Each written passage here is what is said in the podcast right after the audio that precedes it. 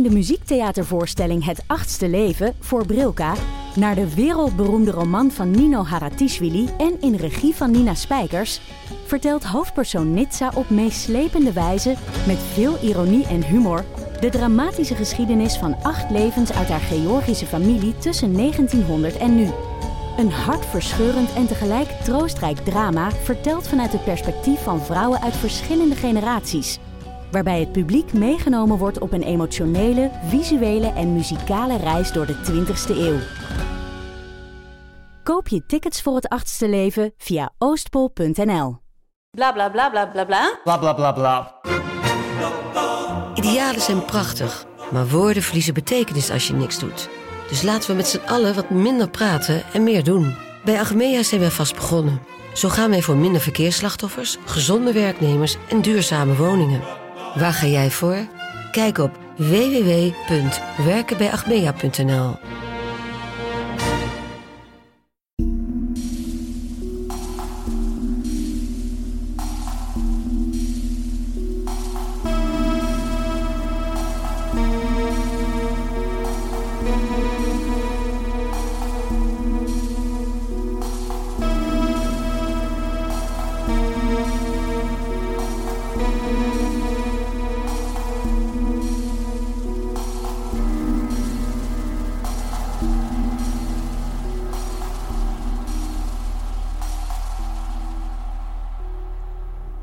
Welkom bij aflevering 72 van De Volksjury.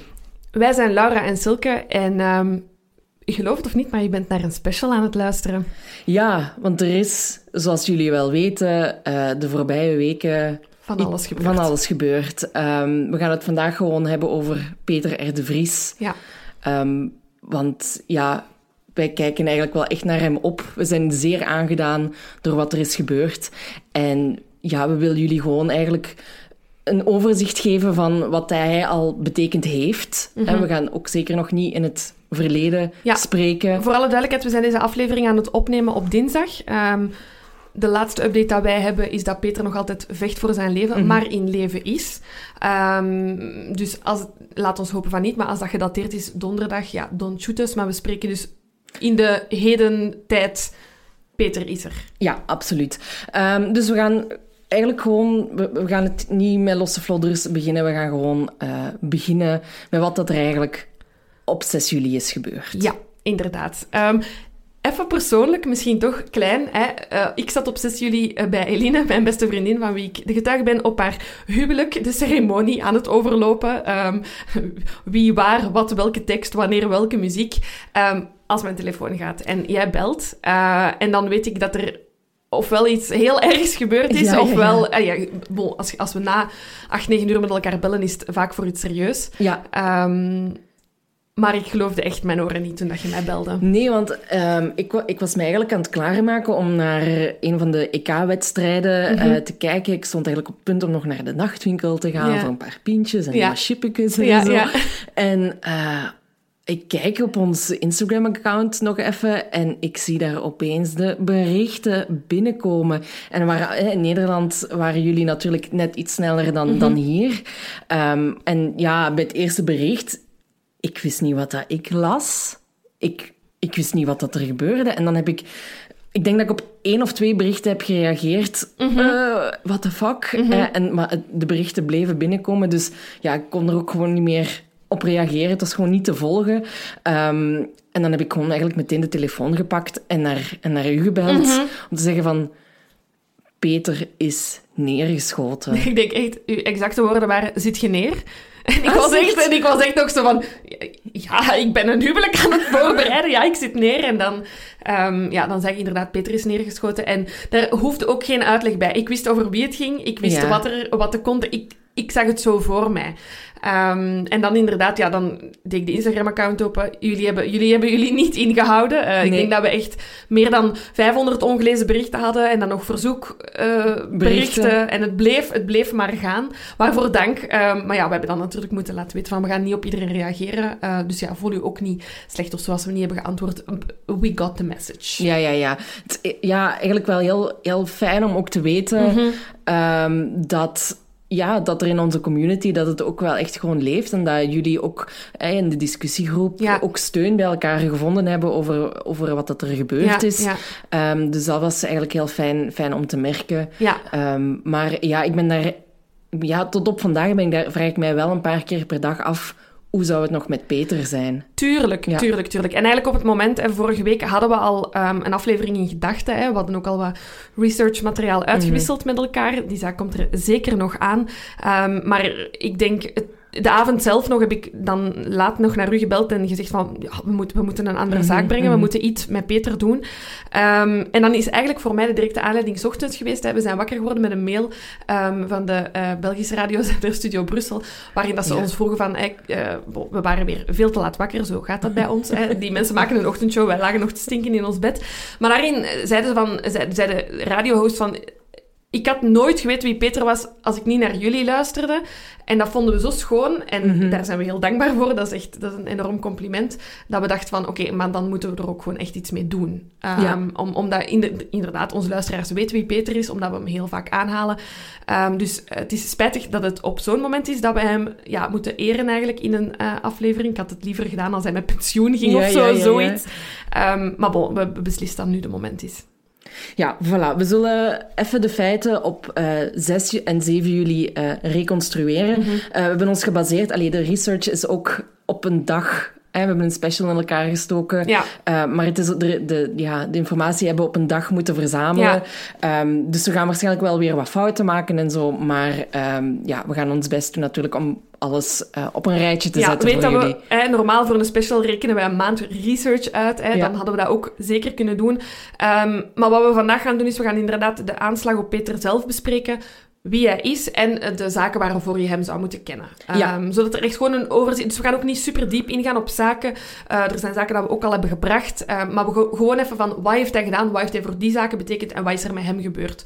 Vorige week. Ja, exact. Dus we zijn uh, 6 juli en Peter is uh, te gast bij RTL Boulevard. Uh, dat is ja, een programma, soort van opgezet als het um, televisie-equivalent van een boulevardblad. En zo staat het dan in Wikipedia omschreven. Um, en ik denk dat we dat een beetje kunnen vergelijken met een soort van dag allemaal hier in okay, België. Yeah. Maar dan op televisie. Ja, ja. Dus er komt van alles aan bod. Entertainment, lifestyle, royalty en crime. Mm -hmm. En daarom is Peter daar al heel lang ja. vaste gast. Ja, hè? ja, ja, Peter is voor, inderdaad verbonden aan het programma.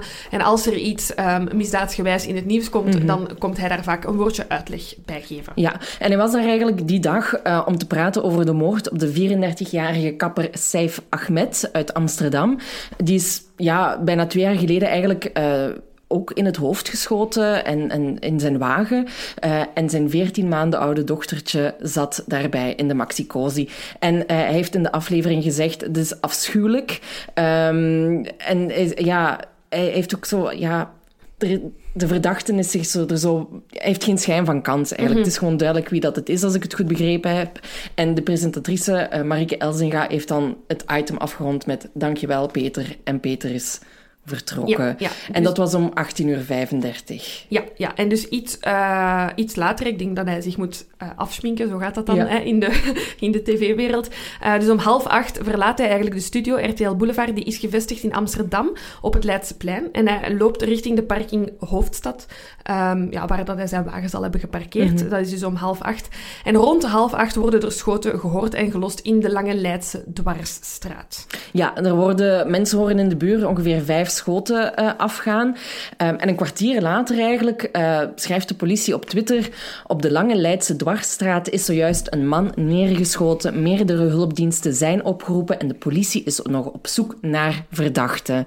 Dus dan wordt er nog niet gesproken van het gaat over Peter. Het is gewoon een man die neergeschoten is.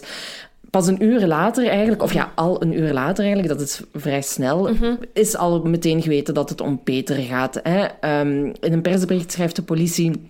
Uh, misdaadverslaggever Peter R. de Vries is neergeschoten. Hij is met spoed overgebracht naar het ziekenhuis en vecht daar momenteel voor zijn leven. Ja, een van de redenen eigenlijk waarom dat het zo snel duidelijk is dat het om Peter R. de Vries ging, was helaas omdat er heel veel beelden zijn gedeeld op de Mm. sociale media. Hè. Ik ga niemand judgen, maar we hebben ze ook allemaal binnengekregen. Ja. We hebben die links laten liggen. Eh, en ik wil het hier ook nog eens zeggen, stuur dat niet door. Ehm, als het uw vader is of als het uw geliefde familie, is, ja. geliefde is. Ik bedoel, voor ons is Peter ook een geliefde. Ik wil die beelden niet zien. Hè. Er zijn heel veel beelden gemaakt, filmpjes gemaakt, foto's gemaakt, ehm, die circuleren. Verspreid ze niet, kijk er niet naar. Doe, Mhm. doe het gewoon niet. Hè. Maar het is ja, dankzij die beelden en dankzij camerabeelden, dankzij ooggetuigen, dat Peter wel snel is kunnen geïdentificeerd worden als slachtoffer. Ja.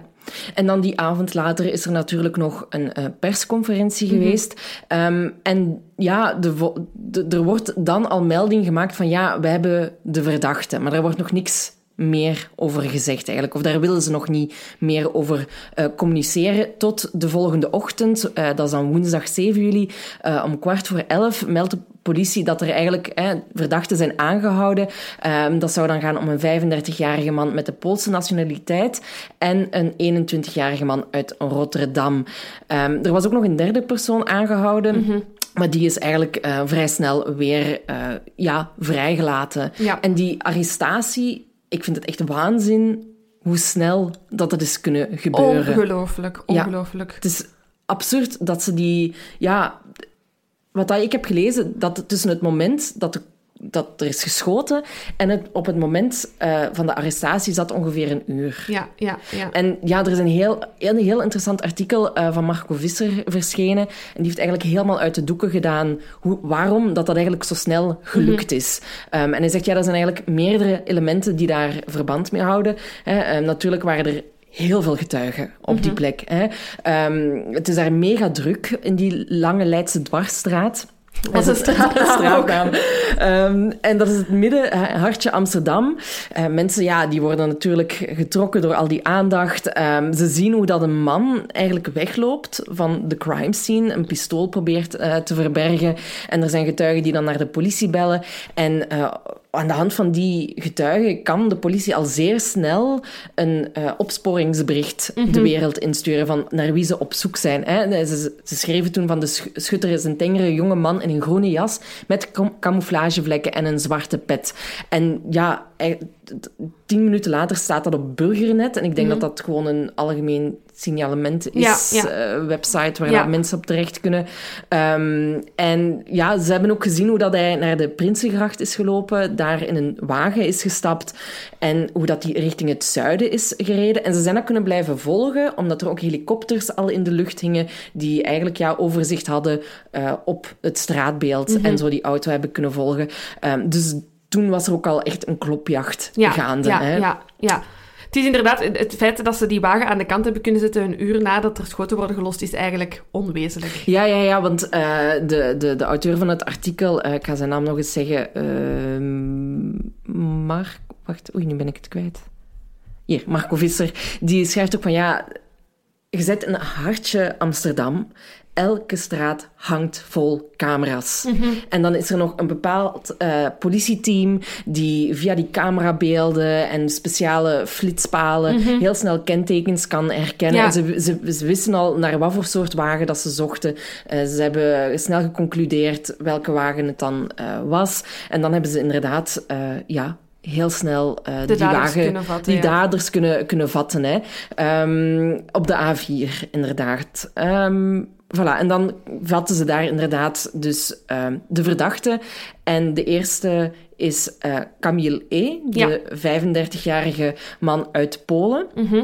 Ja, hij woont in het Gelderse eh, Maurik.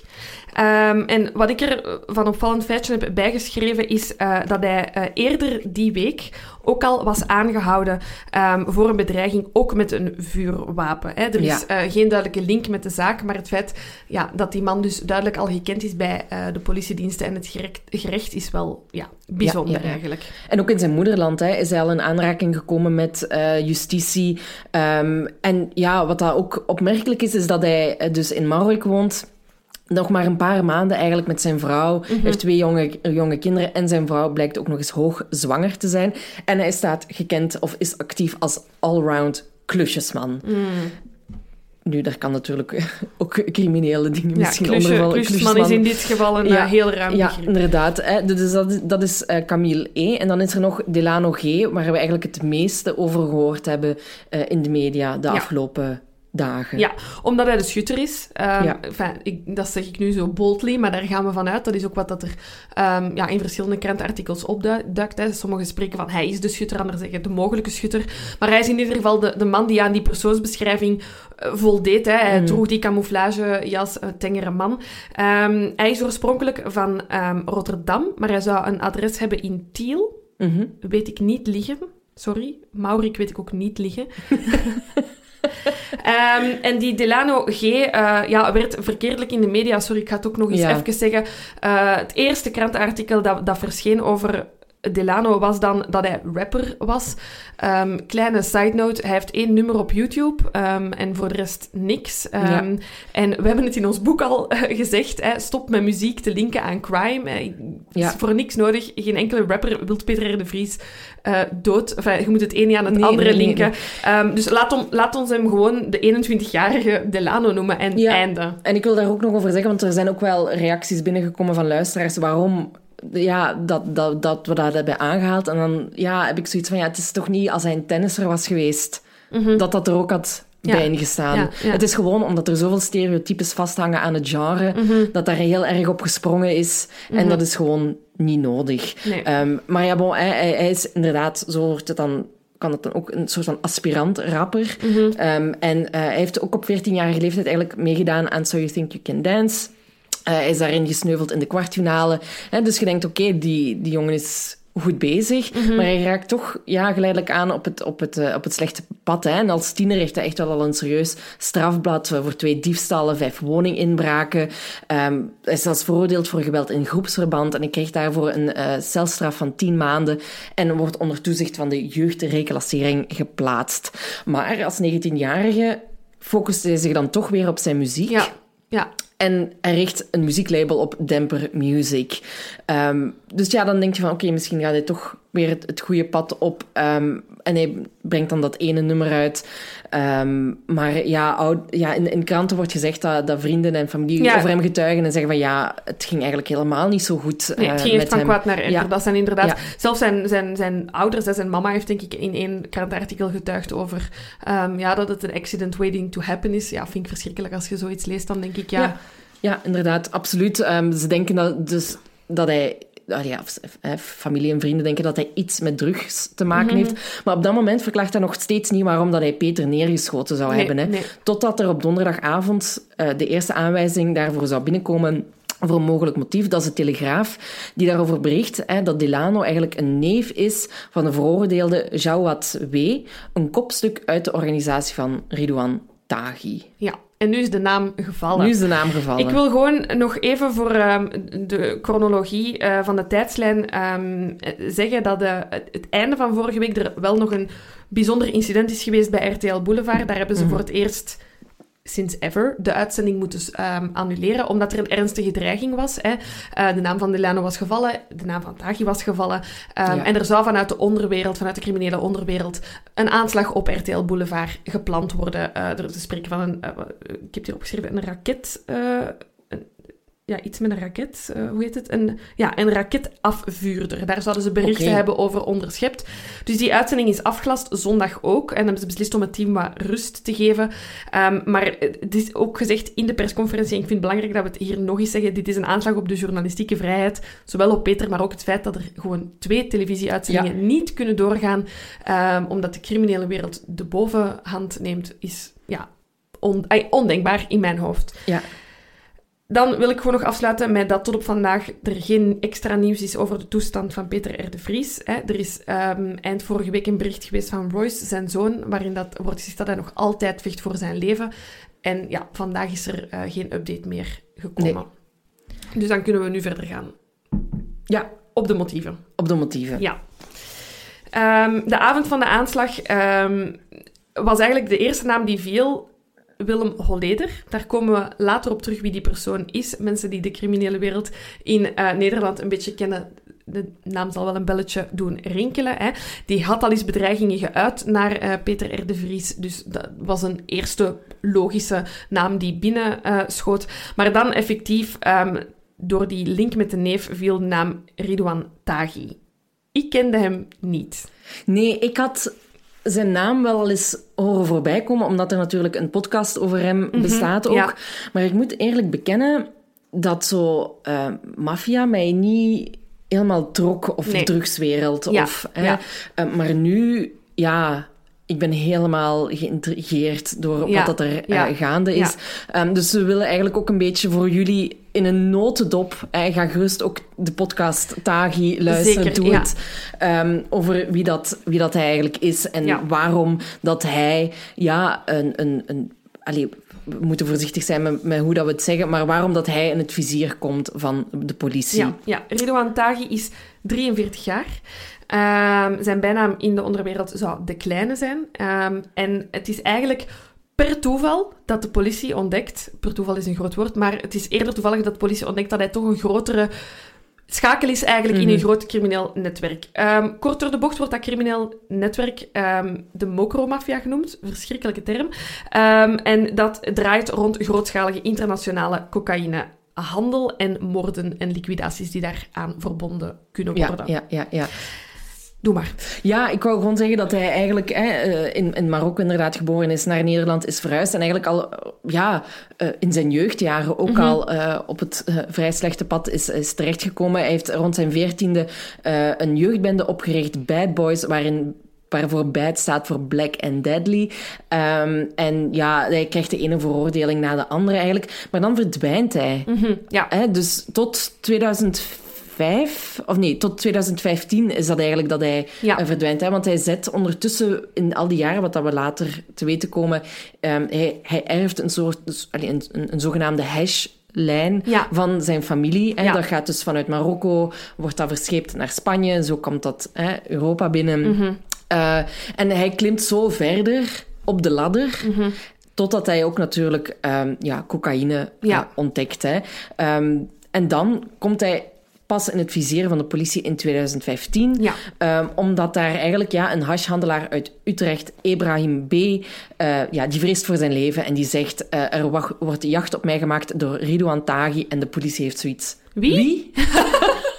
Wie, wie is Ridouan ja, Taghi? Ja. Die naam valt in het koperdossier. Ik ga even kort um, we hebben alle twee, denk ik, de website gezien van NPO, uh, eh, geloof ik. Mm, zeg, ik mm, mm. Ja, zeg ik het juist? Die hebben een heel mooie interactieve website gemaakt, waarbij je de hele uh, Mokro-maffia um, kunt zien. Mm -hmm. Je kunt, uh, dit is zo'n spinnenweb-netwerk waar dat je um, ja, speelfiguren kunt zien, maar je kunt het inderdaad ook op uh, zaken zetten. Um, en de drie grote zaken wil ik gewoon even kort schetsen, dat als die namen vallen, dat jullie weten waarover het gaat.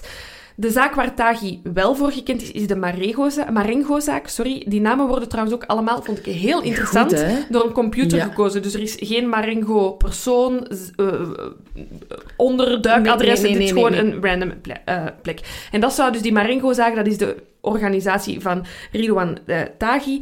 Het is inderdaad in de criminele wereld, de drugswereld. Um, en aan in die Marengo-zaak, dat ondertussen ook een proces is, um, wordt er eigenlijk geoordeeld over verschillende liquidaties die binnen het milieu zijn gebeurd.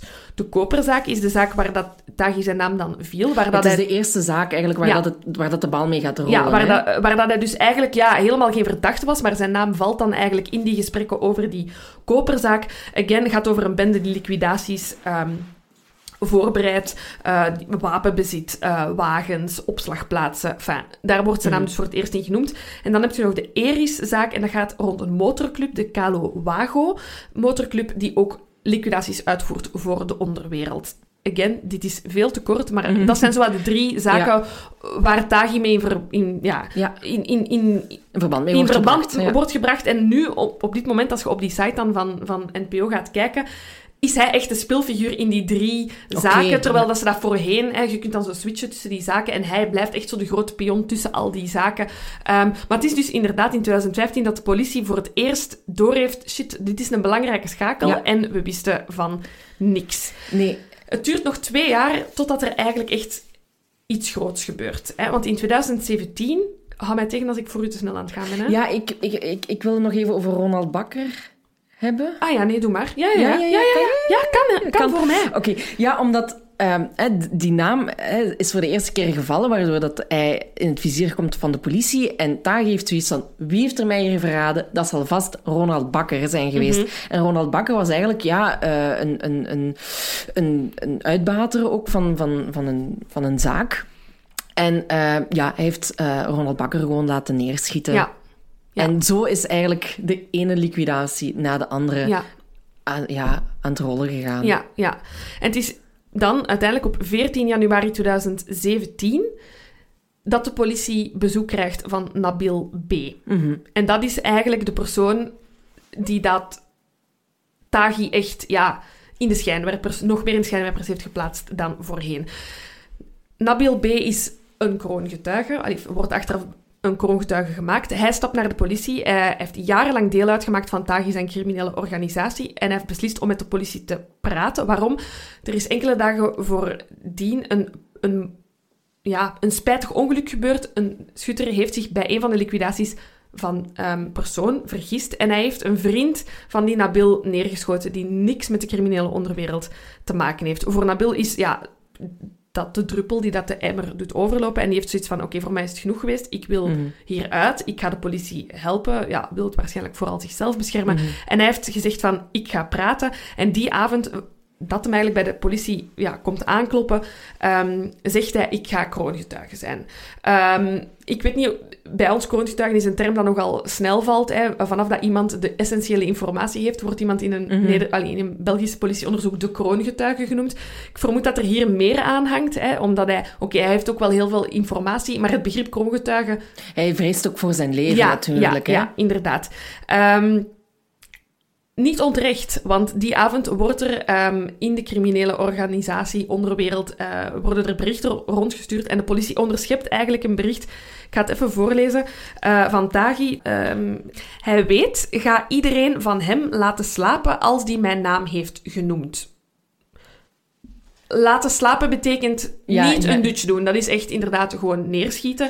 Eh, Ik- dus ik- het is duidelijk, Taghi weet dat Nabil is gaan spreken met de politie. En ja, hij, hij legt eigenlijk vast op dat moment van iedereen die met Nabil iets te maken heeft, die gaat eraan. Ik denk, ja, ze, ze, ze willen ook wel aan, aan, aan eh, Nabil laten duidelijk maken dat ze het ook wel serieus menen. Hè? Ja.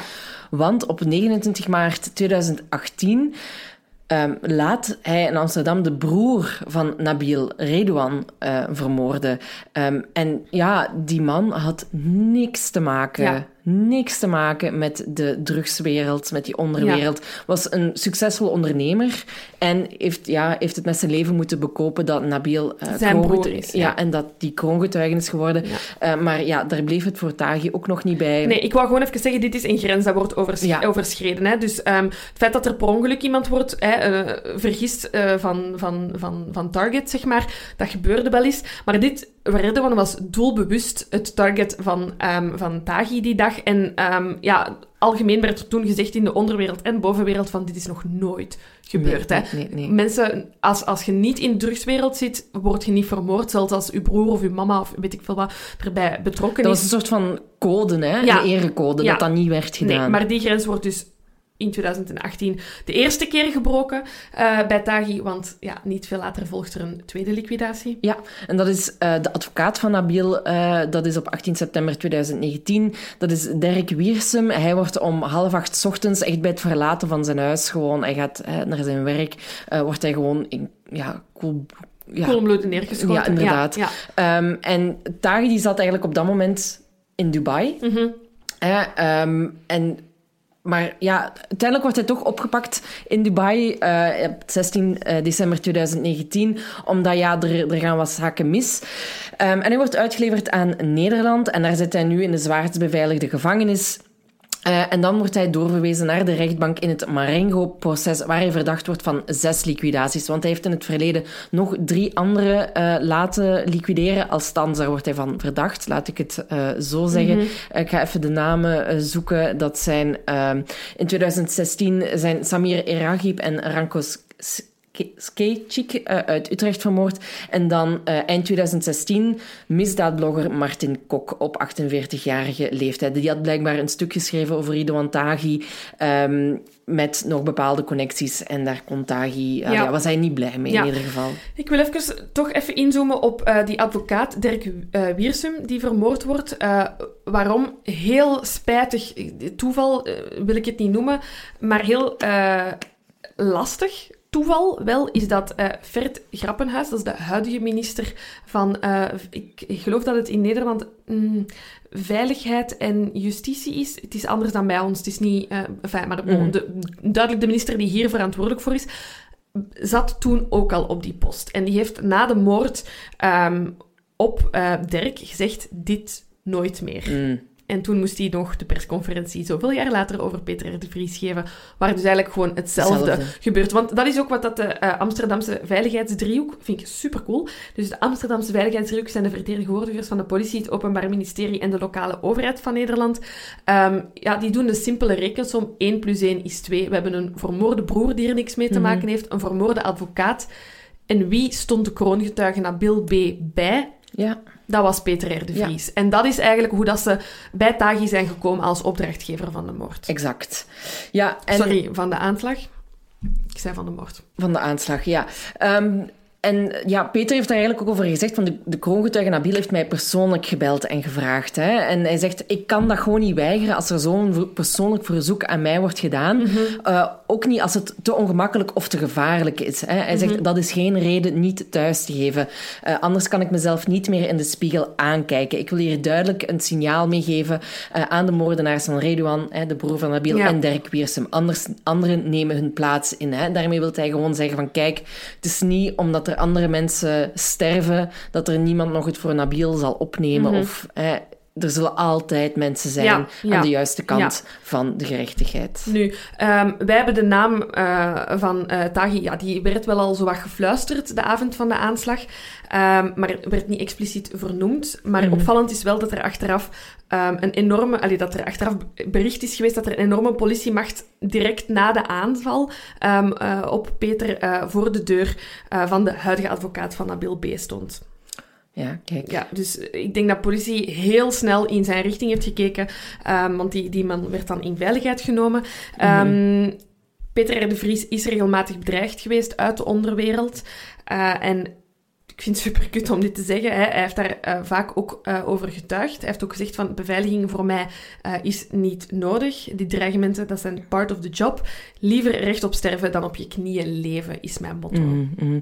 Ja, dat is echt ehm, heel een heel straffe uitspraak. Mm -hmm. Maar Taghi was voor Peter ook al geen onbekende, want hij heeft in 2019 al te horen gekregen dat hij op de dodenlijst stond van Taghi en heeft dat ook op Twitter gedeeld. Um, zijn tweet was: Justitie en politie hebben mij meegedeeld dat ik op de dodenlijst van Ridouan Taghi sta en dat hij opdracht heeft gegeven om mij te liquideren. Waarop Taghi contact heeft opgezocht met mm -hmm. Peter. En die ja. twee hebben gebeld met elkaar. En um, het gesprek, of wat Taghi gezegd heeft tegen Peter, heeft Peter op zijn beurt weergedeeld op het Twitter-account. En dat ga ik nu ook even ja. uh, vertellen. Uh, Peter, met schrik en verbazing las ik het nieuws dat ik volgens politie en justitie opdracht heb gegeven om jou te laten liquideren. Daar is niets van waar. Dat is een regelrecht verzinsel, pure onzin. Ik heb als kleine jongen geboeid naar je programma, tv-programma gekeken. Ik respecteer je en zie je als een professioneel journalist. Ik heb geen enkele reden om jou iets aan te doen. Je kunt gaan en staan waar en wanneer je maar wilt, zonder dat je ook maar enig gevaar van mij hebt te duchten. Ik heb 100.000 procent niets tegen jou. En dat is voor mij 100% duizend een schuldbekentenis. Ja, dat is een heel maf um, gegeven hoe dat, dat gelopen is. Ja, hè? ja. Um, maar ja, sorry, als je dat zo state en als je dat zo laat delen door de persoon over wie het gaat, ja, nee, voor mij is dat juist ja, het omgekeerde. Ja, het, het onderzoek loopt natuurlijk ja, hè, ja. Um, naar... naar naar wat de connectie is met Tagi. Tagi houdt uh, via zijn advocaat uh, mm -hmm. zegt van ik heb hier niks mee te maken. Ik ga er verder geen uitspraken over doen. We laten het onderzoek gewoon gaan, hoe dat het gaat. Ja. Um, maar er zijn natuurlijk ook nog andere verdachten mm -hmm. waar jij het net al uh, over had. En dat is um, Willem Holleder. Ja, ja. En daarvoor moeten we eigenlijk... Helemaal terug helemaal begin. Gewoon... Um, Ik heb even nog een korte bio van Peter zelf. Mhm. Ehm, gewoon omdat ik dacht, doen we even. Dan weten we het. Ehm, gewoon interessant wie die persoon is, hebben we ook nog nooit gedaan. Hè? Buiten Mhm. dat we altijd zeggen dat, goedenavond, hij is misdaadverslaggever. Ehm, of mensen die misschien enkel naar deze podcast gaan luisteren, die, die Peter niet kennen of die Mhm. meer willen weten. Hele korte bio van Peter R. de Vries. En eindelijk gaan we het onthullen. Peter R. staat voor Rudolf. Voilà, dat is dan ook weer geweten. Dus Peter Rudolf de Vries wordt geboren in Aalsmeer op 14 oktober 1956. Ehm, hij heeft een misdaadprogramma, dat getiteld is Peter R. de Vries, misdaadverslaggever. Hij heeft in... eh, oh, ik ben veel te snel aan het gaan. Ja, oké, dat heeft 17 jaar gelopen. Dus hij is opgegroeid in Amstelveen. Eh, zijn papa is directeur van de kruidfabriek Muiden Chemie. Klinkt goed. Hij, is, eh, komt uit een gezin van zes kinderen, gereformeerd, maar hij heeft heel weinig aan de kerk gehad, zegt hij Mhm. eh, zelf. You go boy. Ehm, in 78 is hij aan de slag gegaan als verslaggever, gewoon algemeen verslaggever bij de Telegraaf, op de redactie in Den Haag. En hij is dan na een jaar overgeplaatst naar de redactie van Amsterdam en daar is hij zich beginnen specialiseren in misdaad. Mhm. Ehm, hij heeft in 87 ontslag genomen bij de Telegraaf, dus toch eh, een carrière van bijna 10 jaar eh, bij de krant. En dan is hij hoofdredacteur geworden van het weekblad Actueel. Ehm, en in dit weekblad heeft hij eigenlijk hij heeft dat een beetje omgevormd tot een misdaadtijdschrift, waarin dat hij eh, verschillende onopgeloste eh, verdwijningen, moordzaken aan het licht bracht. Hij schreef daar ook eh, beloningen voor uit. Dus daar zien we eigenlijk een beetje de kiem voor dan dat televisieprogramma. Dat komt er... ehm, in 1995, hè, dus het heeft gelopen van oktober 95 tot en met juni 2012. Ongelooflijk, zo lang. Ehm, en dat is het programma waar wij heel vaak naar verwijzen. Hè. Daar brengt hij allemaal crime gerelateerd. kan gaan van eh, verkrachting, oplichting, kinderporno, moordzaken. Ehm, hij heeft heel vaak met verborgen camera's gewerkt, eh, met daders gesproken, ehm, mensen die onschuldig vastzaten aan het woord gelaten. Enfin, eh, alles wat dat je kunt erbij voorstellen, heeft hij gedaan. En dan, sinds dat dat programma gestopt is, is hij regelmatig te zien in programma's van, Mhm. Van onder andere RTL, ehm, ook bij Pauw en late night shows, waar dat hij dan inderdaad zijn licht laat schijnen op misdaad. ehm. Ehm, waar de meeste Nederlanders Peter van gaan kennen, is eh, van zijn eh, eerst geschreven boek, De ontvoering van Alfred Heineken. Hij heeft al in 87 geschreven. Eh, en daar is in 2015 zelfs een film van gemaakt. Een Amerikaanse film met, Mark, met Anthony Hopkins en Mark van Eeuwen. Ja. Voilà. Eh, daar is achteraf veel kritiek op gekomen van Peter ook dat het scenario zich niet aan de feiten hield. Eh, het is duidelijk een zaak dat hem na aan het hart lag, die Heineken-ontvoering. Ehm, dat is ook de eerste zaak die dat wij nu even gaan bespreken. Ja. Heel bijzondere zaak. Eh, ik, had er, ik heb een boek gelezen over Willem Holleder, maar ik vind het zo fascinerend. Ja, ja, ja, dat is... Ongelooflijk. Dus ja, het is 87. Op dat moment is hij dus net gestopt bij de Telegraaf. Ehm, en heeft zich eigenlijk volledig op deze zaak gesmeten. Ja, want eh ik kom eigenlijk voor de eerste keer in aanraking met, met Willem Holleder in, in 1983, hè, wanneer hij op dat moment nog voor de Telegraaf eh, werkt. Mhm. En hij volgt eigenlijk de, de, de ontvoering van Alfred Heineken op de voet. Ja, Hè, wat is er gebeurd? Wat is er gebeurd? Laten we dat is nu even kaderen. Dus het is 9 november 1983 en om 7 uur s'avonds worden Alfred Heineken en zijn chauffeur Ab Doderer ontvoerd door vier mannen. Eh Cor van Hout, Willem Holleder, Frans Meijer en Jan Boulaert voor het kantoor van Alfred in Amsterdam. Mhm. Hè, En Alfred en Ab worden meegenomen naar een loods. Eh, die, het is geluidsdicht, er zit een geheime ruimte Ja, het in. is, het is een loods waar dat dus echt een gewoon bedrijf... Ik geloof dat de loods is van, ehm, van onze vriend Boelaert. Of hij, hij heeft er Ja. iets mee te maken, of hij heeft ervoor voor gezorgd. Het is een loods waar dus overdag allemaal eh, arbeiders aan het werk zijn. Hè, en langs buiten kun je het niet zien, maar ze hebben dus het achterste stuk eigenlijk ingekort. Daar hebben ze dan twee geluidsdichte cellen gemaakt. Hè. Dus Ab en ehm, Alfred zitten naast elkaar in een cel, maar ik denk dat die ook niet in verbinding staan met elkaar. Die kunnen zoveel lawaai maken als ze willen. De mensen horen hen overdag niet. En ehm, er wordt hen dus enkel eten gebracht buiten die uren eh, Ja. dat de mensen aan het werk zijn. Ehm, verder is het, het is een ontvoering ja, gelijk de films, ik kan het niet anders zeggen. Hè. Er wordt met brieven gecommuniceerd, Ja. eh, telefoongesprekken, er worden bandjes opgenomen met de eh, Stemmen. stemmen, van, van Alfred en Ab.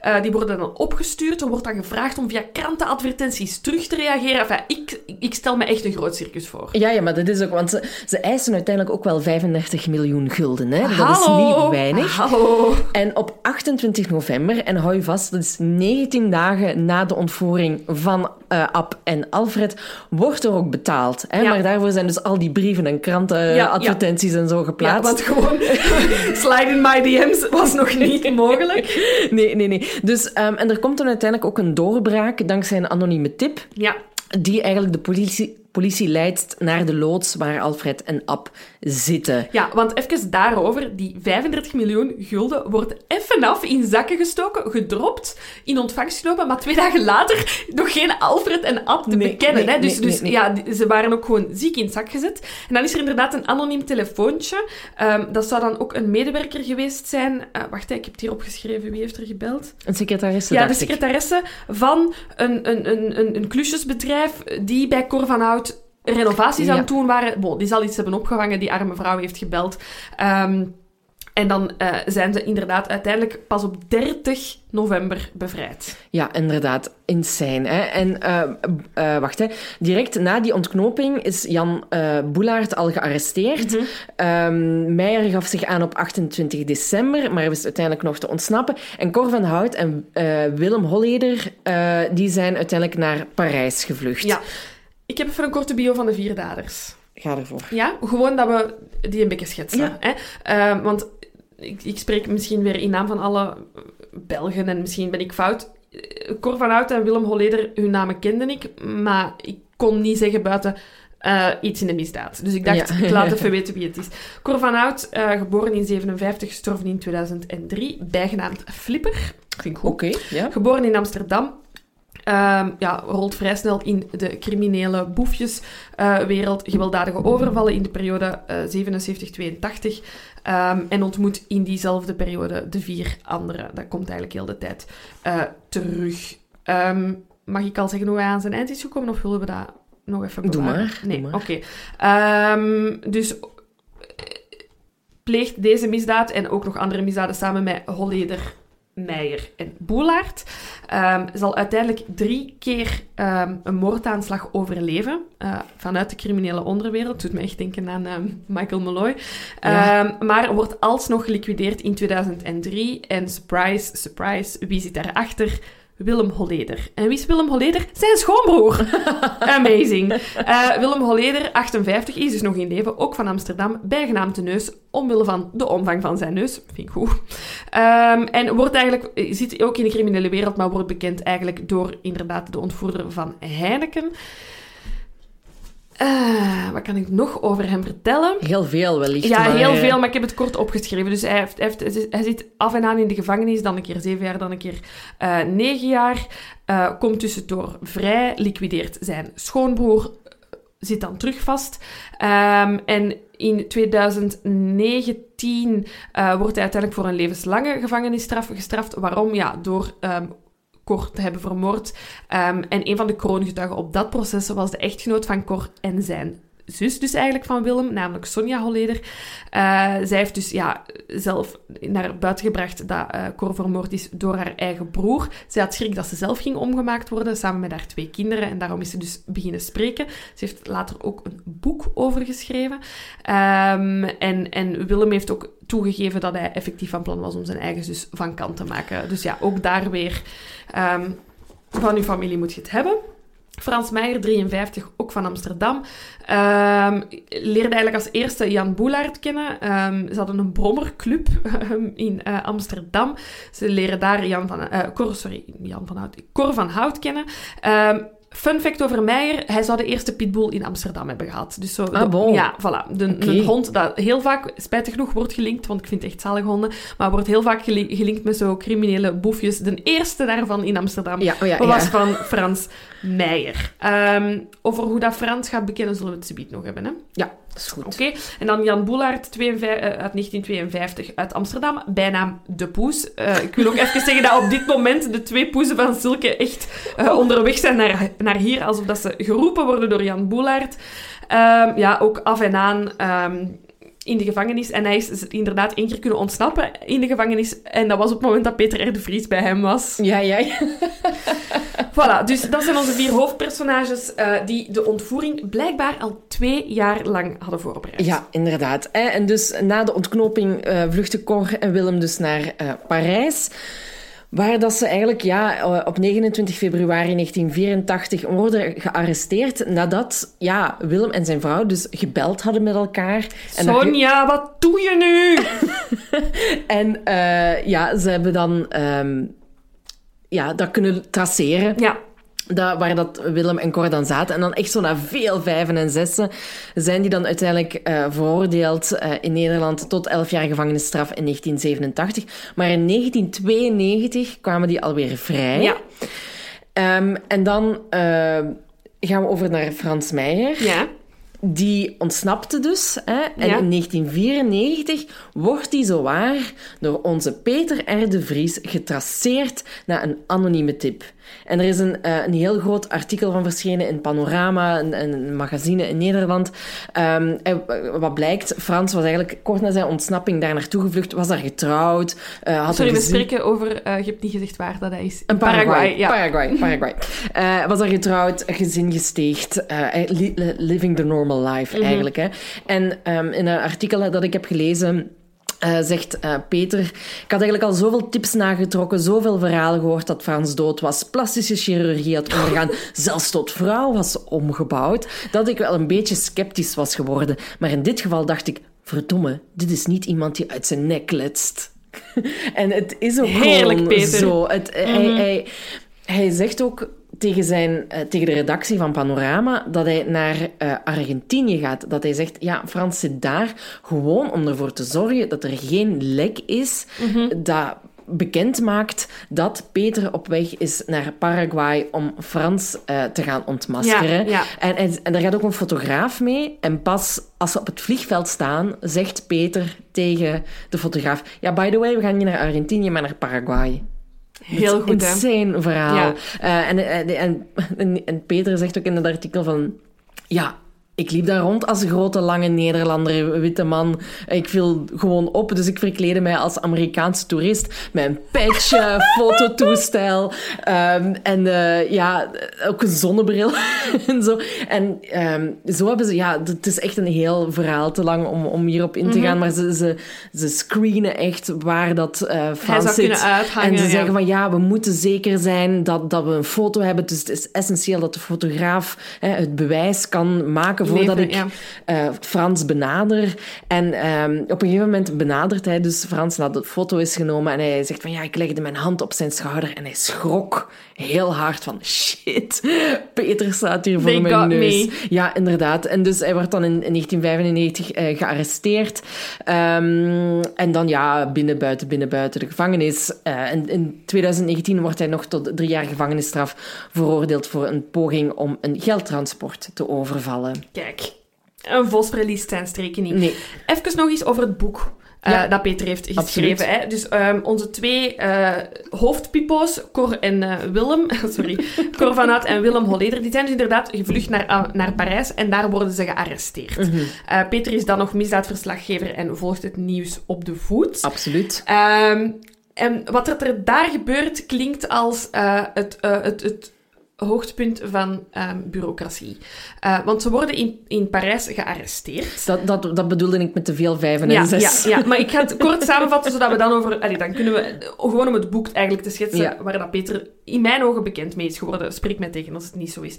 Ehm, dus ze worden eh, gearresteerd in Parijs, maar ze krijgen daar geen uitleveringsverdrag voor die twee, want ehm, dan moeten ze stellen dat, eh, dat er... Wacht, hè, officieel heet het een, licht ver- een, een schriftelijke bedreiging met de dood, omdat er eh, officieel geen ontvoering ehm, op papier kon worden gezet. Enfin, dus in ieder geval, als ze zouden worden uitgeleverd aan Nederland, zou er al een soort van uh, schuld worden um, toegekend. En dan kan die schuld niet hoger eindigen eenmaal dat ze in Ja, Nederland ja. zijn. Dus Nederland heeft zoiets van, ja, eh, nee, geen uitlevering vanuit Frankrijk. Dus dan denkt Frankrijk, oké, ehm, mm, welke kolonies hebben we allemaal nog... eh, waar dat we wel naartoe kunnen gaan. Ah, Guadeloupe. Oké, dus eh, ze worden naar Guadeloupe gebracht. Ja, ehm, en vanuit Guadeloupe kunnen ze dan naar het Nederlandse deel Sint Maarten en dan kunnen ze zo de uitlevering doen. Ja, in Sint Maarten waren ze zo van, mm, liever niet, laat, laat maar zo. Oké, dus hup, naar een ander eiland of een andere eh, plek, Saint-Barthélemy. Ja, ook daar was het zo van, yo, hier komt je ze niet dumpen, je twee Nee. criminelen, pak ze terug mee. Dan worden ze eh, s'nachts op een schip met gedoofde lichten ehm, naar een onbewoond eiland, Tintamare, gebracht. Op dat moment is Peter R. de Vries er als de kippen bij. Dus ook hij is op dat onbekend eiland, eh, onbewoond, niet onbekend, onbewoond eiland. Ehm, daar worden ze dan per helikopter opgehaald, terug naar Guadeloupe, terug problemen. Dan worden ze naar het Europese deel eh, gebracht. ehm, in Frankrijk, dus een, ik weet niet, een soort van staat waar dat ze dan wel in beschuldiging kunnen worden gesteld. En daar worden ze in hotelarrest gezet. En dat heet, eh, de plek waar dat is, is Evry. Ehm, dus eh, geen gevangenis, maar een hotel. En het is in dat hotel dat Peter de Vries ook incheckt. Uiteraard, uiteraard. Zo slim is hij wel. Ehm, en wat Peter dan doet, is eh, de grenzen van journalistiek opzoeken, voor mij. Mhm. Eh, maar ik vind het fantastisch. Ehm, hij spreekt Cor en Willem aan op het moment dat zij in een hotelarrest zitten in eh, dat hotel in Parijs of in Frankrijk. En hij zegt van, kijk... ehm, wat, wat kunnen we doen? Hè? Ik wil met jullie praten. Ik geef jullie een kans om te praten. Je kunt uw woorden wikken en wegen. Je geeft de exclusiviteit, exclusiviteit aan mij. We maken er een boek van. Wat pijsde. Willem mij, hè, zal wel spreken, maar hij zal eh, niet achter, uiteindelijk niet achter de publicatie van het boek staan.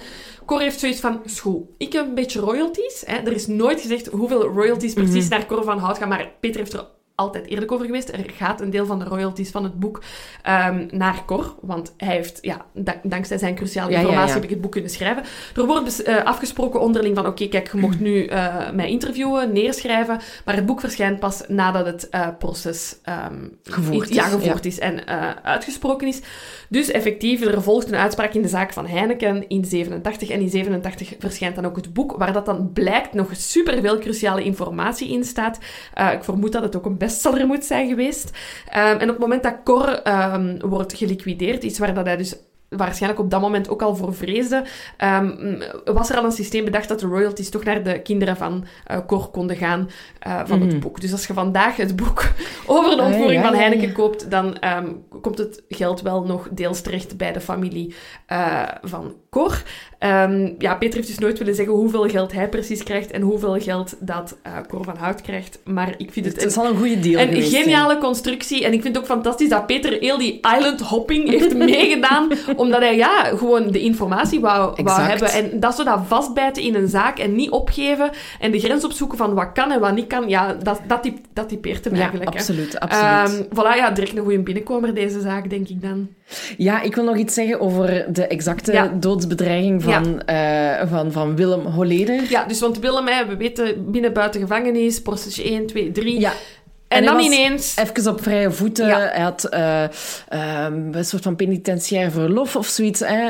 Of, of hij was op probatie. Ja, en wat dat- doet je tijdens je vakantie? Je gaat iets eten, een glaasje wijn drinken. Hè? ehm, net iets te veel, denk ik. Eh, Want op de terugweg van het restaurant beslist hij om langs te gaan bij Peter. Want Willem is woedend, want hij wil niet dat hij in die Hollywood-verfilming verschijnt. Hè? Of hij wil er niet in figureren. Oh my god, stel je voor, Willem Holleder. Ook zo... Eh, Dacht hij echt dat ze hem legit als figurant gingen vragen? Geen idee, geen idee. Maar ook zelfs zijn naam, Nee, ik, ja, hij wil eigenlijk dat dat boek worden. niet ver- verfilmd wordt. Nee, nee, nee, inderdaad. En ehm, ik heb een artikel gelezen eh, waarin dat eigenlijk ehm, omschreven wordt hoe dat in de eh, rechtszaak daar dan voor ehm, ja, het is gefilmd geweest hoe dat hij eh, Mhm. Peter is gaan bedreigen. Hij had echt zo'n motorpak aan, motorpak aan, een helm, handschoenen, een scooter. Hè. Dus hij parkeert op de stoep, loopt naar de deur van eh, Peter eh, zijn huis, belt aan en ehm, ja, als Peter open doet, dan begint hij opeens hè, te roepen en te tieren.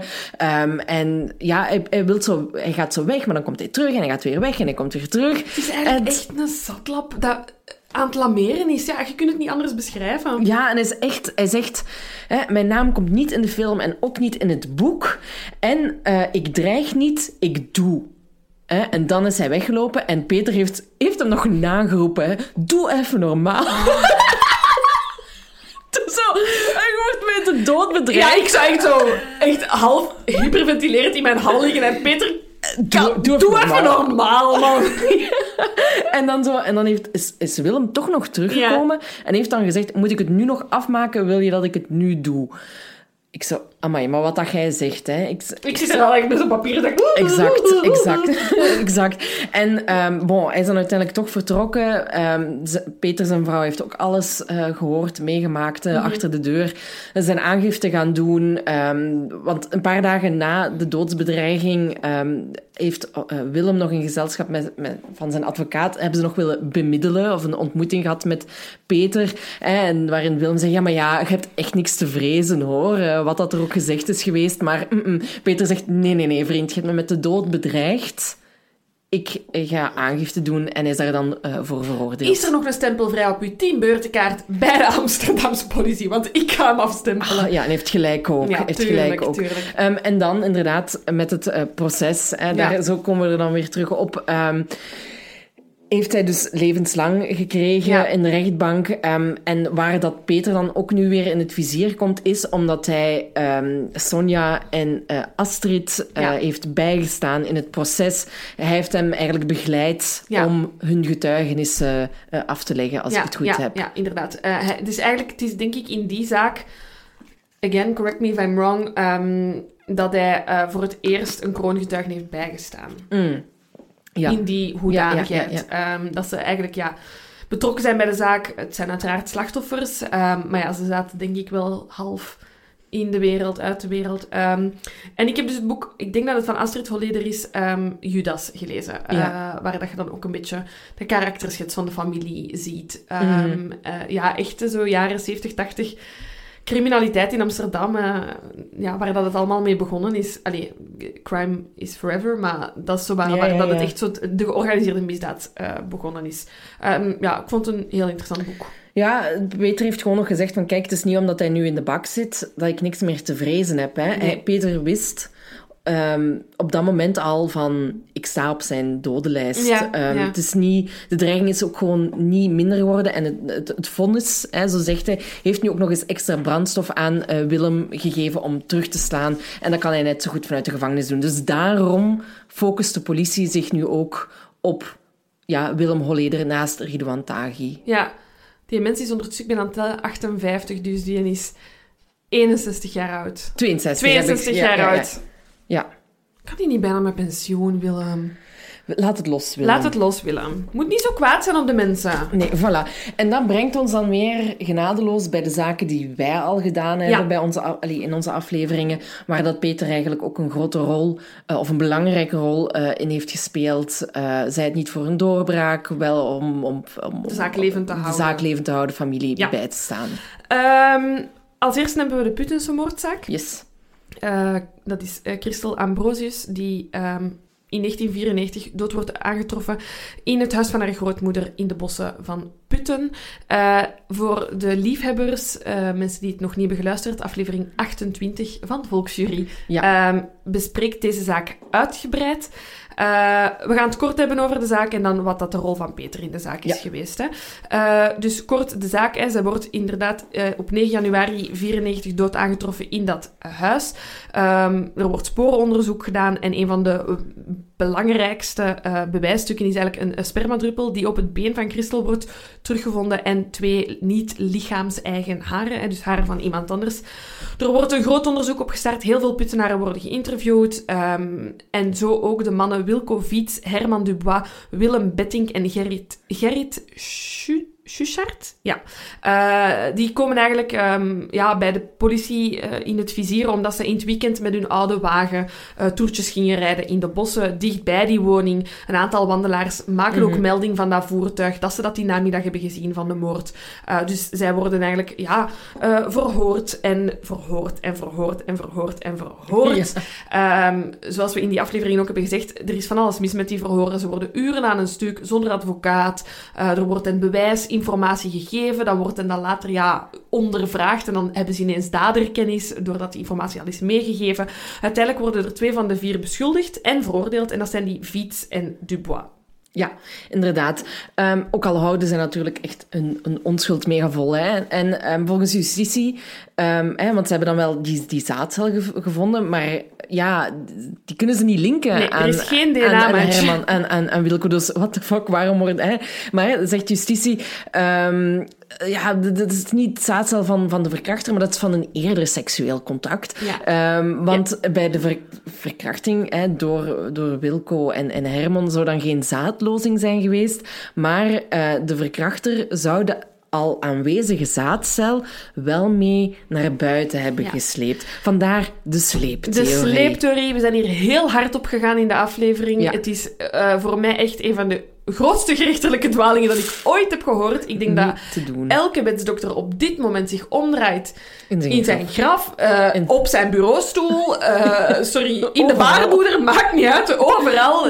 Ik geloof niet dat dit vandaag echt nog uh, legit, ik hoop dat dit vandaag Nee, nee, legit nergens meer um, naar buiten kan komen, want bedoel, dit is gewoon, bedoel, het is fysiek zelfs niet mogelijk, ik geloof niet. En, en ze worden dus veroordeeld hè, eind december 1994, maar Peter en een oud-kopchef Jan Blauw, eh, Jan Blauw hè, Ja. die denken van oh, die sleeptheorie onmogelijk en die pushen eigenlijk weer om de zaak eh, opnieuw te onderzoeken. Ja. Hè, eh, Jan Blauw die concludeert eigenlijk dat eh, ja, de twee, hè, zo wordt het dan omschreven, slachtoffer zijn geworden van scoringsdrift van justitie. Mhm. Ehm, er, er is gewoon geen bewijs. En Peter ja, wijdt zoveel uitzendingen Ja, in meer zijn dan programma. 40. Ongelooflijk, die man. 40. Love you, Peter. eh, aan de zaak, hè, om echt te blijven pushen en te zeggen van kijk, maar er is nu toch echt wel iets mis. Hè? En hij zegt daarover in 2013, hè, twee mannen werden veroordeeld voor een lustmoord op een meisje en ik dacht, dit klopt niet, dit geloof ik niet.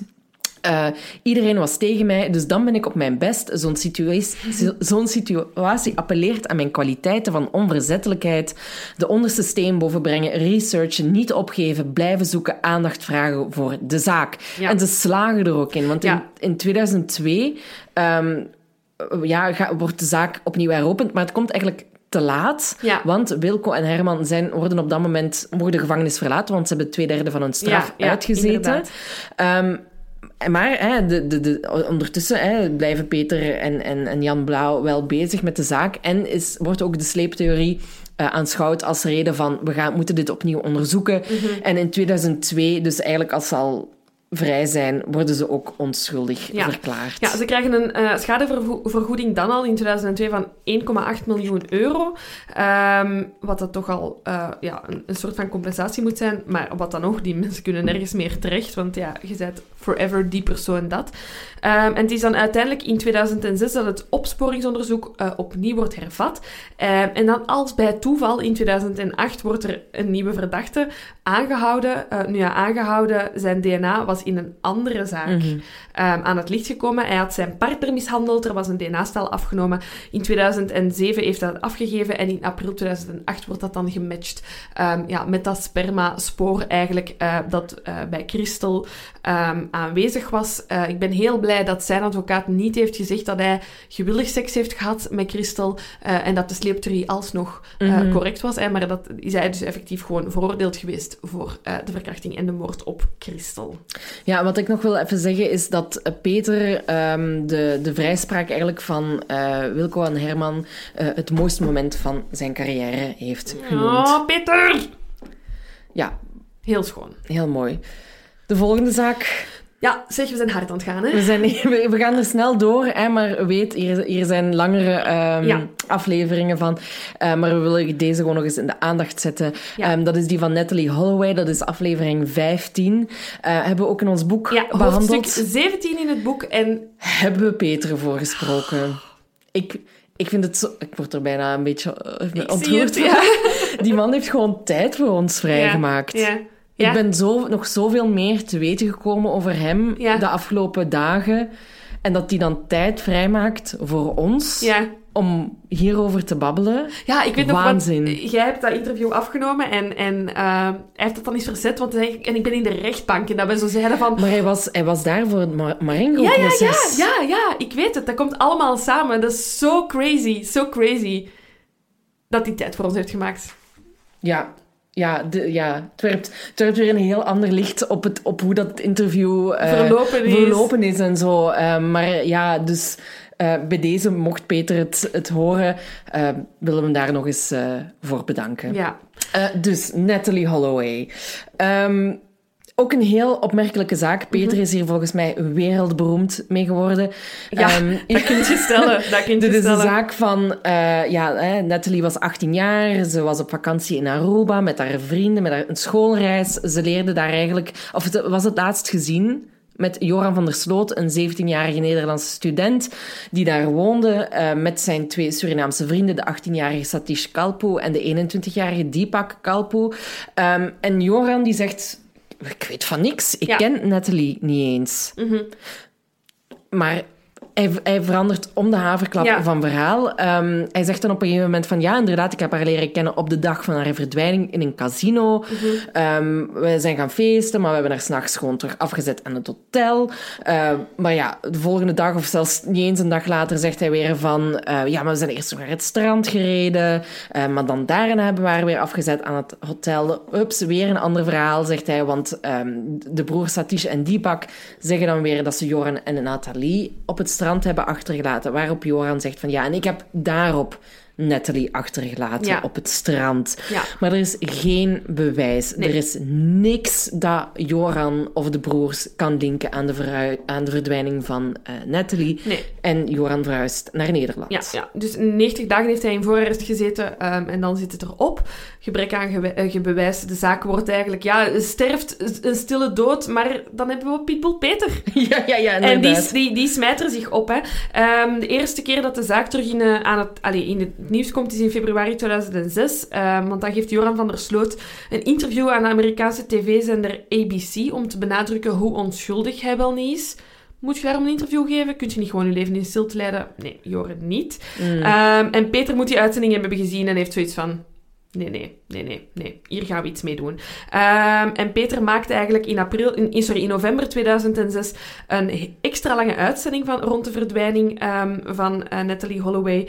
Ehm, hij, bekijkt de, eh, de, de reconstructiebeelden en eh, aan de hand van die reconstructie en de verklaringen van Joran van der Sloot spreekt Peter voor het eerst en zegt hij ik concludeer dat Joran, van der Sloot op cruciale punten heeft gelogen. Hè. Ik kan hem hier niet vastleggen als dader, maar we zullen wel zien.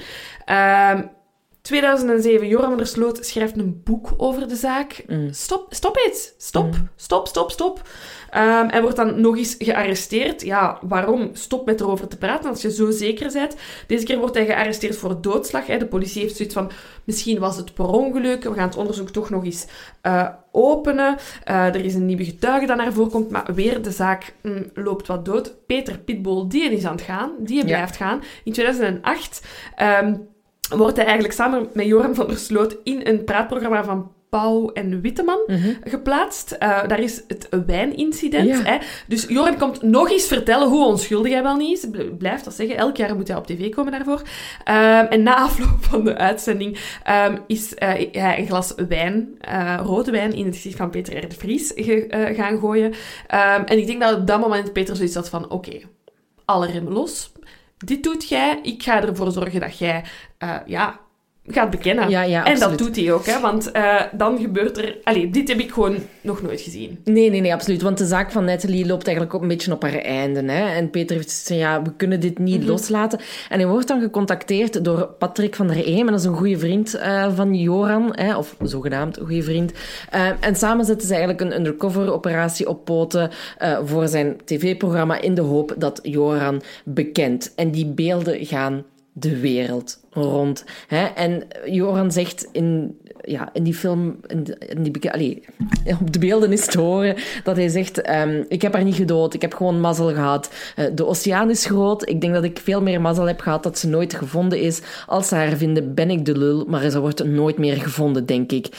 Dus Joran, wat hij zegt is eigenlijk, ja, ze is gewoon gestorven opeens op het strand eh, nadat wij seks hebben gehad. Eh, ze is beginnen trillen, waarna, waarna ze niet meer bewoog. Ehm, maar Joran kan ook niet echt zeggen dat ze dood was op dat moment. Hè. Eh, maar hij heeft daarna niet naar de hulpdiensten gebeld, maar heeft een vriend gebeld, een zekere Dory.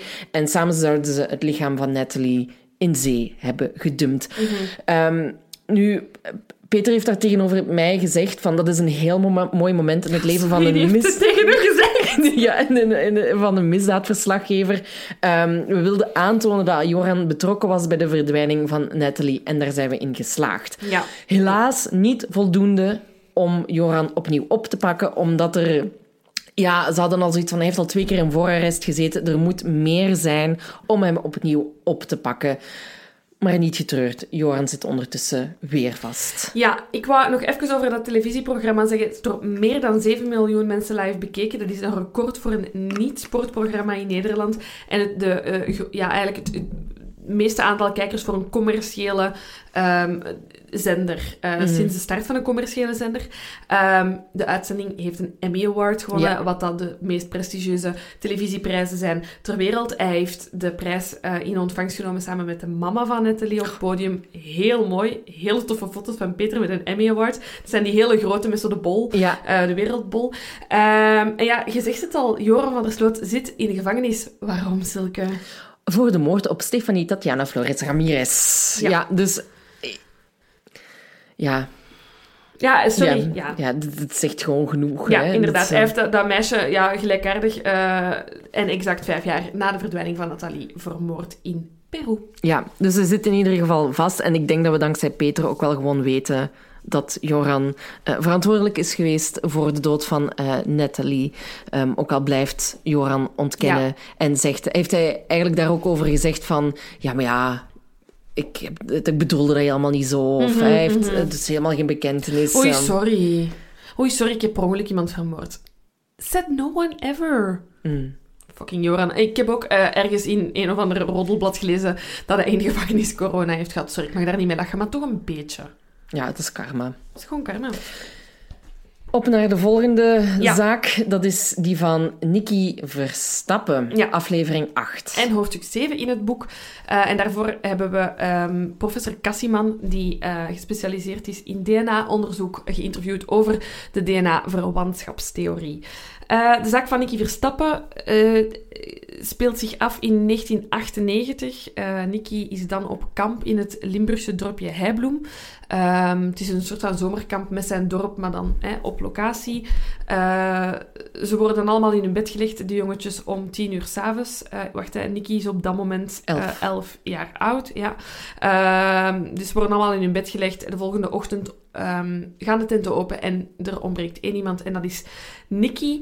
Eh, ja, eh, kampleiders beginnen het kamp te doorzoeken, de omgeving te doorzoeken. Politie wordt ingeschakeld, maar er is geen spoor van Nicky. En dan uiteindelijk, eh, rond 21 uur s'avonds, wordt het lichaam van Nicky dan toch gevonden. ehm, nabij een kerstboomperceel, ongeveer eh, een dikke kilometer van het kampterrein.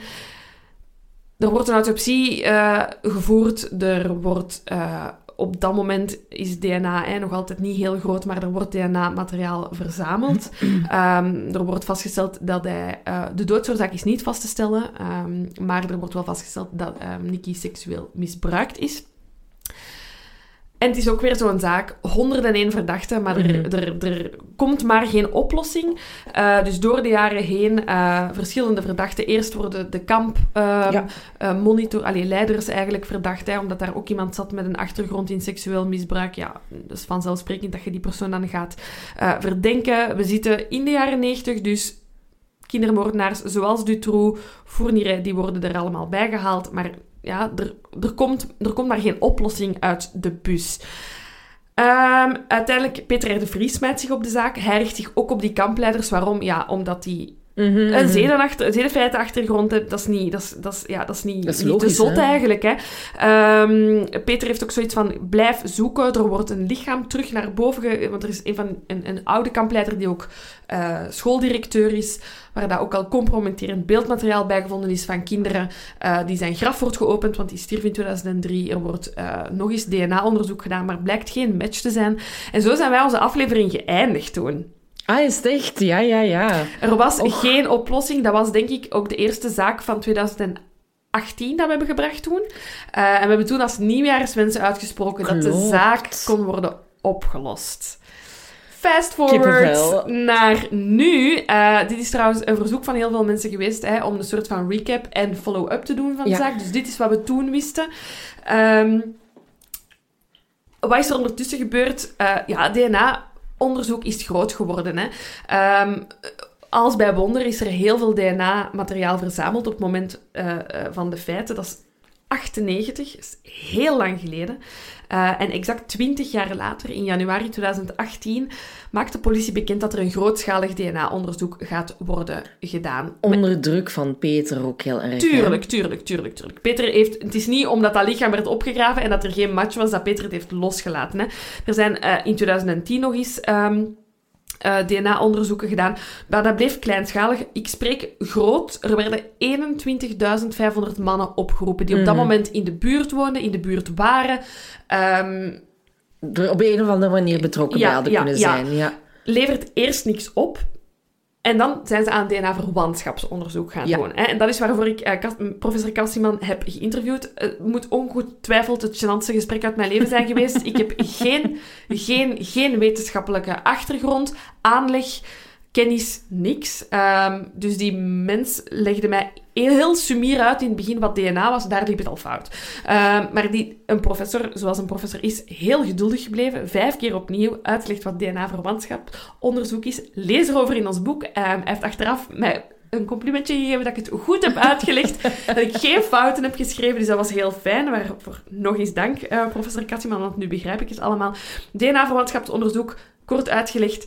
DNA wordt... ehm, eh, dus normaal heb je een stuk DNA en dan kijken ze naar uw DNA en it's match of niet. En bij DNA-verwantschapsonderzoek wordt er eigenlijk gekeken of jij familie bent van het DNA-bewijs. Eh, je kunt mama zijn, nicht zijn. Als er maar een band is, als er een familieband is, oké, we spreken niet van vijf achterneven verder, hè, maar als er in de dichte eh, familie een, een, een verwant is, dan kan dat ook worden aangetoond. En het is zo dat ze iemand op het spoor komen. Want bij die 21.500 mannen zijn er een paar niet komen opdagen. Waaronder Jos Brecht. En Jos Brecht was een kroongetuige. Hij komt twee keer voor in het onderzoek. Hij is een van de eerste die ter plekke is op het moment dat het lichaam wordt gevonden. Eh, hij was toen een voor, um, toevallige voorbijganger. Um, en ze hebben zoiets van, goh ja, weet je, geef jij ook maar eens een DNA-staal. Je waart daar in de buurt, gewoon daar in de buurt. Maar Jos komt niet opdagen. Nee, maar gelukkig komen er wel familieleden van hem opdagen. Zeker. Hè, ehm, Jos was van de aardbodem verdwenen. Hè, en ze verzamelden dan ook nog eh, persoonlijke spullen, hè, zodat ze uiteindelijk toch nog persoonlijk DNA-materiaal van Ja. Jos hebben. En it's a match. Hè. En eh, toen dat bekend is geraakt, heeft eh, de, de mama van Nicky Berti eh, echt tegenover de internationale pers een persconferentie gehouden en daarin verklaard dat ze Peter heel erg bedankte hè, als we jou niet hadden gehad. Want het is echt, ja, want het, het is echt ehm, onder druk van Peter Ja. en zijn pitbull-mentaliteit, Ja, eh, dat ze er ja, meer werk van hebben gemaakt. Hè. En dan, ehm, ja, de politie verspreidt een opsporingsbericht hè, voor Jos Brein. En vier dagen later eh, wordt Jos herkend door een eh, toerist, een Nederlandse toerist, vlakbij Barcelona. Hij was daar aan het bushcraften. Hè. Ehm, hij wordt aan Nederland uitgeleverd. En hij wordt dan op 20... eh, ja, op 20 november 2020 schuldig bevonden aan het ontvoeren van Nikki en seksueel misbruik met de dood tot gevolg. Uh, en in het boek hebben wij geschreven dat heel Nederland, maar ook wij twee, uh, de, de, pers, allee, de, de uitvonnis via een livestream uh, hebben gevolgd. En um, wat, wat dat ook opvallend is voor Peter, is dat hij er altijd is geweest. Hij is bij elke zittingsdag uh, aanwezig geweest. Uh, hij zat altijd bij de buurt van de familie. Um, hij stond ook de pers te woord uh, in naam van de familie. Uh, en um, ja, hij heeft nog een tijdje geleden um, heeft hij nog een proforma zitting bijgewoond tegen Jos, Jos Brecht, die in hoger beroep is gegaan voor zijn veroordeling tot 12,5 jaar. Ja, inderdaad. Ja, ik heb de, de, persconferentie, ik weet het nog heel goed. Ja, live, jij wordt live updates. Ja, en ik was op het werk en dan heb ik inderdaad op Instagram zo wel live updates gegeven. Um, ja, het is een zaak dat bij mij altijd, dat mij altijd is bijgebleven. Um, die hele ontknoping ook. Hè. Mm. Jos was dan, zijn familie had hem eigenlijk al als vermist opgegeven. Um, en eigenlijk nu, als je de tijdlijn reconstrueert, ja, Jos heeft die brief gekregen van dat DNA-onderzoek, dat grootschalig onderzoek in 2018, en heeft zijn biezen gepakt. Ja met als excuus dat, dat bushcraften, wat dat eigenlijk de bedoeling is om zo lang mogelijk te overleven in de wildernis zonder hulpmiddelen. Uh, dat was zijn hobby. Of was het een voorbereiding, een jarenlange ja. voorbereiding voor het moment dat er ooit zat aan te komen? Dat weten we natuurlijk niet. Um, maar hij is dan inderdaad, na vier dagen uh, door een... Um, Toch al, hè? Ja, uh, door, een, door een Nederlandse toeriste um, herkend. Ja. ja. Ja, ja. wat ik nog wil zeggen, uh, is een artikel van een paar dagen geleden waarin over Bertie en Peetje uh, de, dat zijn uh, de ouders van Nicky. Die branden nog elke dag een kaarsje voor Nicky. Um, uh, en nu staat er ook een kaarsje voor Peter bij. Ja. En in het artikel stond: We hopen op een wonder. Als hij nog kan vechten, zal hij vechten. Zo is Peter. We moeten er niet aan denken dat we het zonder hem moeten doen. We missen hem nu al. Maar dat is natuurlijk niks vergeleken bij zijn eigen familie, waar hij nu doorheen moet. Het is echt schoon hè, als je dat ziet. als achterblijvers en slachtoffers zo vol lof mm. over u spreken. Um, ja, Peter heeft voor heel veel mensen een wereld van verschil gemaakt. Absoluut, absoluut. En uh, ja, het is uh, gewoon onwezenlijk wat dat er nu aan het gebeuren is. We hebben nog één zaak de laatste, dat we ja. spreken. En dat is die van uh, Tanja Groen, aflevering 46 voor de geïnteresseerden. Um, en dat gaat over uh, de 18-jarige Tanja Groen die in 1993 verdween. Ze was uh, naar een studentenfeestje geweest uh, was onder, en dan onderweg s'nachts naar huis op haar fiets. Um, en ja, ze is daar eigenlijk verdwenen. Dat was in Maastricht, geloof ja. ik. Um, er is nog altijd geen spoor van haar. Peter heeft zich daar ook um, op vastgebeten. Ja. vastgebeten.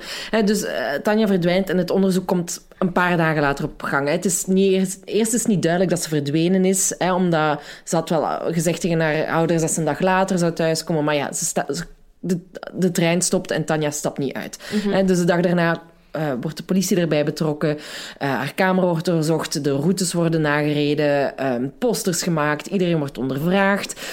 Um, en um, ja, maar er, er komt niks nee, uit. Geen spoor hè? van Tanja, ook geen spoor van haar fiets. Hè? Nee. Uh, dus de, de piste van gevallen en gestruikeld, en die kun je eigenlijk al, al, al, ja, al wegdoen. En ja, ze moet, ofwel moet die fiets zijn meegepakt. Hè? Spreken we weer over een ontvoering met een busje, waar, dat die fiets, of waar is die fiets gedumpt. Uh, maar het onderzoek ja, loopt heel, heel, heel vast. Hè. Opnieuw worden de uh, usual suspects, gelijk een Dutroux uh, mm -hmm. en, en Willem S. ondervraagd. Hè. Mensen die, die al een crimineel record Ja, hadden, ja, ja, zeg maar. Ehm, uiteindelijk uh, zijn er een paar grote doorbraken die dan niks blijken te zijn in de zaak. Ja. Ja. In 2012... eh, God weet waarom heeft de politie een wiegelroede loper eh, gevolgd eh, die een fiets heeft uit de Maas laten halen. Die fiets bleek dan niet van haar te zijn. In 2014 worden er menselijke botten gevonden door een wandelaar in een akker vlakbij, maar bleek ook niet van Van, Groen, van Groen te zijn. In 2018 doen de ouders een Amber Alert video-oproep om ja, Nog, nog eens in de aandacht, hè? in de aandacht te brengen. Ja, we zijn dan echt al ja, bijna vijf... Ja, is het vijf... Nee, 25 jaar? Jawel. 93. Ja, Ja. ja, 25 jaar na de feiten. Ehm, en eigenlijk heel recent, hè, nadat we de afleveringen ge- hebben gebracht, is er op 22 januari 2020 ehm, nog een graf geopend eh, in Maastricht eh, van een man die in dezelfde periode om het leven is gekomen. Ehm, ja, er zal een tip zijn binnengekomen bij de speurders van... Daar Ah, moet je eens gaan checken. Daar moet je eens gaan checken. Dat graf is geopend. Eh, ik herinner mij toen ook nog heel veel berichten van luisteraars van wow, eh, er is iets aan het gebeuren bij Tanja Groen. Ehm, maar helaas, het graf was leeg. Ja, en ondertussen heeft Peter ehm, ook wel een crowdfunding opgezet voor de Gouden Tip. Mhm. Die eh, ja, leidt naar de... Ja, waar, waar Tanja Groen zou, hè, het lichaam, of waar Ja. dat ze zou kunnen zijn. Ehm, en sinds dat, ja, de feiten van wat er met Peter is, is gebeurd, ehm, is de grens van 500.000 euro overschreden. Dat was op 11 juli. Ehm, en daarmee is eigenlijk al de helft van het doelbedrag van 1 miljoen euro bij elkaar gehaald. Ja. En de ouders van Tanja Groen zijn, ik denk, de, de avond zelf nog eh, ja, gebeld door, ja, door de politie, eh, door het cold case team. eh, eh, over wat dat er gebeurd was met Peter. En ze zeggen van ja, wij waren eigenlijk naar iets anders aan het zien, maar we hebben meteen omgeschakeld naar, het, naar het nieuws. Ehm, hij zegt ja, het is de vader zegt het is verschrikkelijk wat er gebeurd is. Net nu hij bezig was om de zaak van mijn dochter op te lossen, gebeurt dit. Want hij was bezig met de studentenvereniging waar Ja. dat ehm, Tanja bij zat. Hij was daar ook nog mee gaan praten. Er waren concrete plannen al om we- welke stappen dat ze nu nog verder gingen ondernemen. Hij heeft die crowdfunding opgezet. Dus die man is met zoveel zaken bezig. En niet een beetje, hè. en ook niet slordig, of maar echt gedetailleerd, plichtsbewust eigenlijk. Ja, ja, ehm, zet hij zich vast ja. in die zaken. En dat is ongelooflijk. ongezien. Het is, echt ongezien, hè, want ja, ik kende het niet. Het is Stichting Gouden Tip, degoudentip.nl, eh waarop dat je kunt storten. Eh, het is speciaal op poten gezet, inderdaad, ehm, als tiplijn, hè, waar dat je dan enerzijds het geld kunt storten en op het moment dat de Gouden Tip dan binnenkomt, gaat dat volledige bedrag naar die Gouden Tip. Het doel is op 1 miljoen. Overschrijden we dat miljoen, dan gaat het, wordt dat ja, een nieuw spaarpotje voor een volgende zaak opgestart. En wat Peter erover zei, is van ja, de inzet van 1 miljoen, dat klinkt misschien heel hoog, maar dat is gewoon noodzakelijk om de waarheid aan het licht te brengen. Kleinere beloningen, dat hebben we in het verleden gezien, dat werkt niet. Voor 10.000 of 15.000 euro gaan mensen hun mond niet open doen. Mensen die er misschien half iets mee te maken hebben, of mensen die na jarenlang toch zoiets hebben van het knaagt, die hebben gewoon meer nodig. En daarom moeten we naar dat bedrag van 1 miljoen geraken. Ehm, Peter zou ook met een eh, politiemedewerker gesproken hebben. En die hebben dan ook achteraf gezegd dat er nog talrijke scenario's open liggen. Dus dat het de zaak van Tanja echt nog wel ja, wat speurwerk kan gebruiken. Ja. Ehm, dus ja, weer al super nobel van Peter dat hij dit heeft eh, op poten gezet. Absoluut. Dat waren de zaken. Ik heb dan, ik dacht om toch met een beetje met een komische noot te eindigen, een paar leuke fedivers over, Over Peter, Peter. opgeschreven. Ehm, in 2003 is hij omroepman van het jaar geworden. Ehm, ik weet niet of hij daar even blij mee is als met zijn Emmy Award, maar ik vond het toch wel nice om te vermelden. Eh, in 2005 maakt hij elke jongensdroom waar en neemt hij deel aan de eh, Rally Parijs-Dakar. Ehm, ze zijn in de zeven etappen uitgevallen. Dit weet ik omdat Lucas heel veel eh, naar dit soort dingen kijkt. Het is best goed. Eh. Ja, dus het, het feit dat je de race niet uitrijdt, is, ehm, het normaal. is normaal. Ehm, Lucas zou zeggen, daar sterven mensen, hè, Laura? Jezus. Ja. Ja, ja, ja. Ehm, begrijp wie begrijpen kan. Eh, in 2014 wordt hij voetbalmakelaar. Eh, samen met zijn zoon Royce eh, start hij een be- bedrijfje. En eh, ik geloof dat dat zelfs nog altijd Mhm. ehm, eh, running is.